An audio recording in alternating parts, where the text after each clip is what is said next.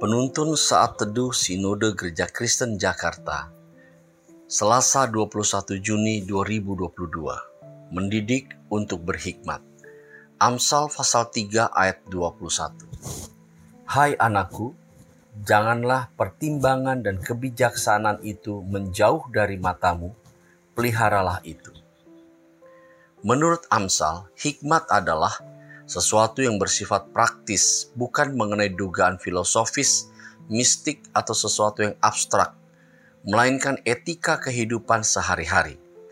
Memiliki hikmat artinya kita dapat membedakan mana kehendak Allah dan mana yang bukan kehendak Allah.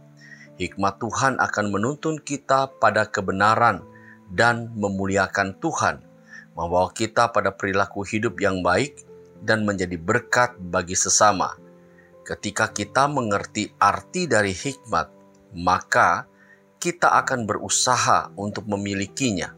Bahkan sebagai orang tua, para ayah akan mendidik anak-anaknya untuk berhikmat. Mengapa? Jawabannya adalah dengan memiliki hikmat, seseorang akan berperilaku bijaksana dan hidup mengutamakan Tuhan. Itu sebabnya di dalam Amsal pasal 3 ayat 21 berkata, Hai anakku, janganlah pertimbangan dan kebijaksanaan itu menjauh dari matamu.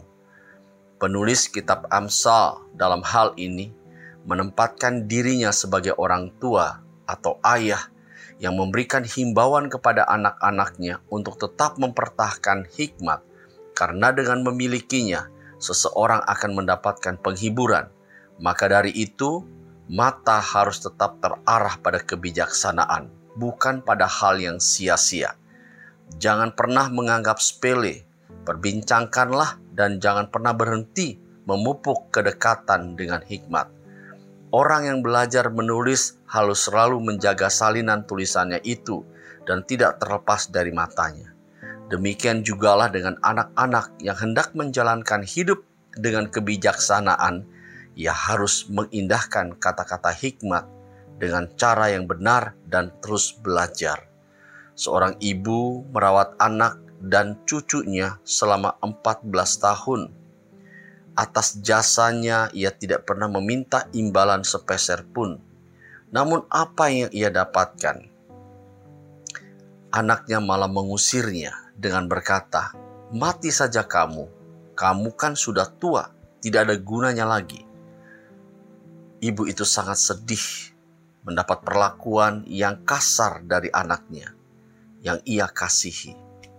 Padahal sang ibu masih kuat secara fisik walau usia sudah tua. Mendengar kisah ini, tentu kita dapat berpikir bahwa anak ini tidak memiliki hikmat sehingga pertimbangan dan kebijaksanaan tidak ada dalam hatinya.